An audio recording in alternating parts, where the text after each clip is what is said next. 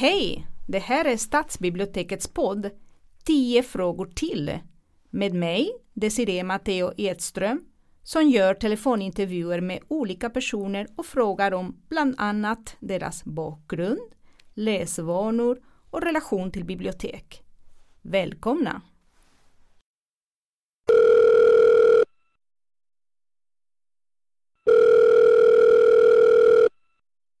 Hej, hej. Hej Rebecka Hovenberg! Hejsan, hej. Du är kommunpolitiker och gruppledare för Miljöpartiet i Linköping. Vilken Det är, den, ja, vilken är den vanligaste fördomen som du möter som miljöpartist? Mm, jag skulle säga att den vanligaste fördomen är nog att vi som miljöpartister är ganska verklighetsfrånvända och att vi alla bor i Stockholm. Jaha, det, Eh, men eh, men ja, det är kanske lite som ett skämt. Men annars skulle jag säga att en vanlig fördom är också att vi bara har miljöpolitik och ingen annan politik. Och det stämmer inte. Vi har ju politik på alla områden. jag kan även tänka mig att många tror att man måste vara en skogsmulle för att vara miljöpartist. Mm, det stämmer. Eh, och det är faktiskt en sån sak som jag har märkt att folk ganska ofta ursäktar sitt dåliga miljöbeteende när de hör att jag är miljöpartist. Eh, och som om jag alltid skulle göra bara bra miljöval i alla lägen. Det stämmer inte riktigt tyvärr. Nej, det är mänskligt. Mm. Men du, hur, hur ska vi Linköpingsborna göra för att leva mer hållbart?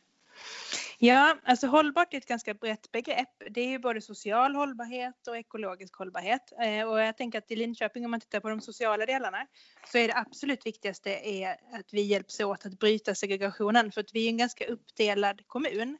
Och det behöver vi göra någonting åt och sen se till att vi skapar en, en, liksom en skola som är lika för alla barn.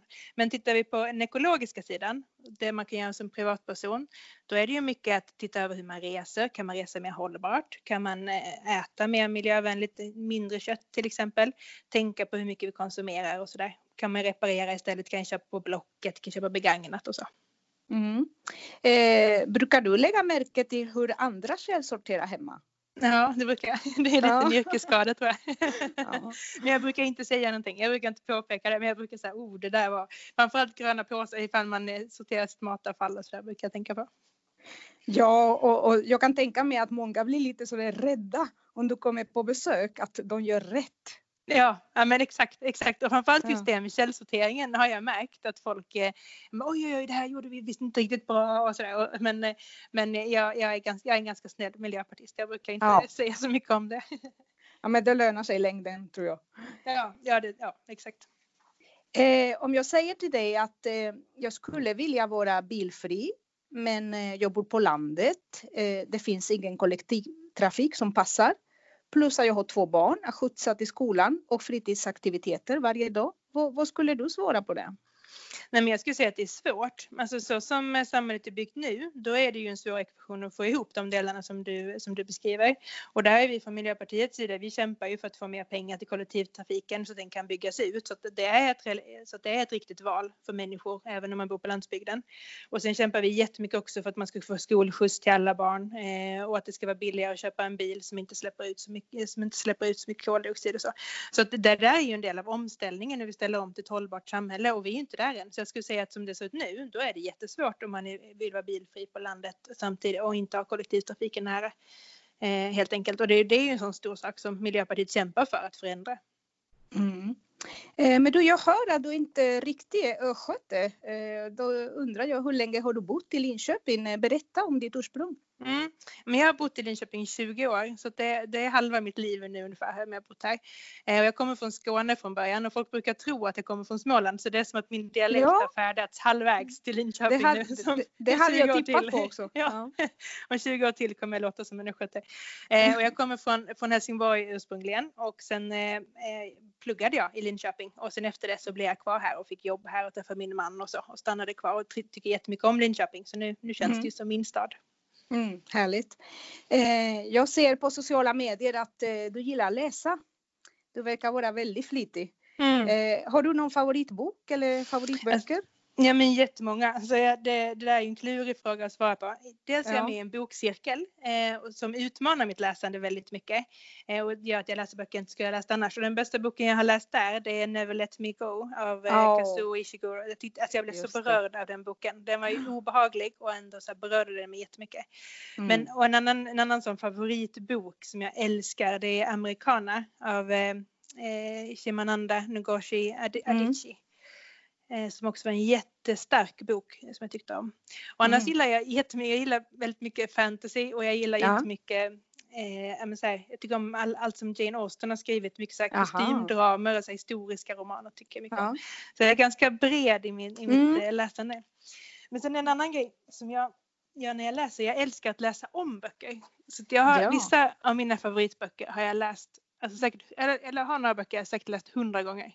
Som är Mm. som vänner som jag kommer tillbaka till. Ja.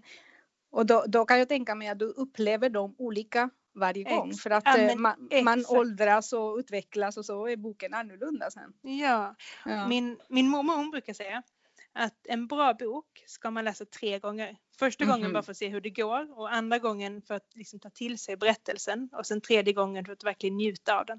Och det Ja. har jag som en sån. Så mina, mina bästa böcker de läser jag om flera gånger just för att Mm. så här, jag, jag- liksom, ta, verkligen ta till mig den här historien. Ja, underbart. Eh, tycker du att bibliotek generellt prioriteras tillräckligt mycket i de olika kommunerna i Sverige? Alltså nu är jag ju kommunpolitiker i Linköping så det är ju lite svårt för mig att svara på för jag har ju mest insyn i, i Linköping, inte så mycket andra kommuners prioriteringar. Mm. Men, men det man, som jag har tagit till mig i media så har man ju, så har man ju alltså jag har läst om framförallt mindre kommuner när de får svårt att få ekonomin att gå ihop drar ner på biblioteken och det är ju en jätte, jättestor förlust. Mm. För, men alltså, biblioteken är så otroligt viktiga för, eh, för människor, både för att främja läskunskapen men också som men ett förlängt vardagsrum eller någonstans där vi alla får vara, alltså utan att behöva betala för det så kan det vara det är en viktig del av det offentliga rummet. Ja. Så jag, jag skulle säga att just att prioritera biblioteken är jätteviktigt. Mm. Och det är en sån sak som, som jag har slagits lite för här i Linköping också, just det här med att, att säkerställa att vi ska ha kvar bokbussen till exempel. Så att man också, Mm. inte bara att alla, alla människor kanske inte kan komma in till, till stan utan att, att biblioteken också måste komma ut till, till människorna Ja. eh, där de bor. Och närbiblioteken har en jätteviktig uppgift och, bokbussen på landsbygden och så. Så, så där tänker jag att, att är det någonting som vi kommunpolitiker ska prioritera så är det just biblioteken. Mm. Ja, vi, vi som jobbar på bibliotek kan konstatera att biblioteket är en me- medborgarplats. Det är inte Ja, bara men ett exakt. ställe för att läsa eller låna böcker utan folk kommer Nej. hit av massa olika anledningar. Ja, och framförallt för Mm, många barn och unga också som har det Mm. ganska trångt hemma eller inte har det riktigt bra hemma kanske så är biblioteken jätteviktigt ställe att bara få vara på utan att behöva betala för det eller utan att man behöver göra något särskilt så kan Ja. man gå dit och bara sitta lite liksom. Ja, precis. Men eh, vad har du för relation till Linköpings stadsbibliotek? Alltså, jag, skulle, jag tycker att Linköpings stadsbibliotek det är, en av de, alltså, det är en av de vackraste byggnader jag vet. Ja, jag lite- håller med. Ja, men det är ju så himla fin. Och det, det, är, det, det är lite roligt för att andra, andra eller tredje dagen som jag bodde i Linköping så invigdes eh, stadsbiblioteket. Så då var jag med Mhm. på, på invigningen och bara var där. Och, Ja, liksom. Eh, och sen efter det så är det som att det, alltså det har varit en väldigt viktig plats för mig. Jag, när jag pluggade så satt jag ofta där och läste och när mina barn var små så gick vi ofta dit och, och var där i barnboksavdelningen. Eh, och nu jobbar jag ju ganska nära biblioteket så nu går jag ofta Mm. dit på luncherna och så. Så Mm. det är liksom en plats som har, som, ja, som har följt mig man ska säga, genom hela min tid i, i Linköping. Att, att det är en ställe jag jättegärna återkommer till. Ja, vad roligt. Eh, men eh, då måste jag fråga dig eh, med bibliotekskunskap. Eh, vad Mm. står hyllan UHD för? Alltså det... Nej, jag är ledsen, jag är ledsen. Det ser jag ingen aning. Nej, Du får okej. avslöja. Vad står det för? vill du inte gissa något? Något vilt? Uff. Nej, jag vet inte ens var jag ska börja. Det är Nej. Mm. Nej, okej. Eh, UHD står för eh, klimatförändringar. Åh, det hade ju varit bra. Den skulle jag ha tagit. Ja, men nu, glöm, nu glömmer du inte det. Men nu glömmer jag inte det. UHD. Nej. Där ska jag kolla nästa gång jag kommer till biblioteket. Ja. Du Rebecka, vad roligt att du ville prata med mig idag. Vad, vad mer ska du göra idag? Mm, jag jobbar hemifrån idag på grund av coronaviruset så jag är det mm. ganska ofta. Eh, så när vi är klara med den här intervjun så ska jag ta en lunchpromenad med en kompis och sen ikväll så ska jag sitta ordförande på en årsstämma i en bostadsrättsförening i Vallastaden har jag blivit inbjuden. Oj. Eh, och se om jag kan hålla lite koll på dem på den där årsstämman. Så det är mina planer för det, förutom vanligt jobb liksom. Så, ja, det ja. låter som en, som en lång dag i alla fall. Ja, yes. ja, ja. Men eh, tusen tack för att du ville vara med och jag önskar och dig en trevlig dag. Ja, tack så mycket och tack för att jag fick vara med. Det var jätteroligt. Ja, ja tack. Hej då. Mm, hej då. Hej.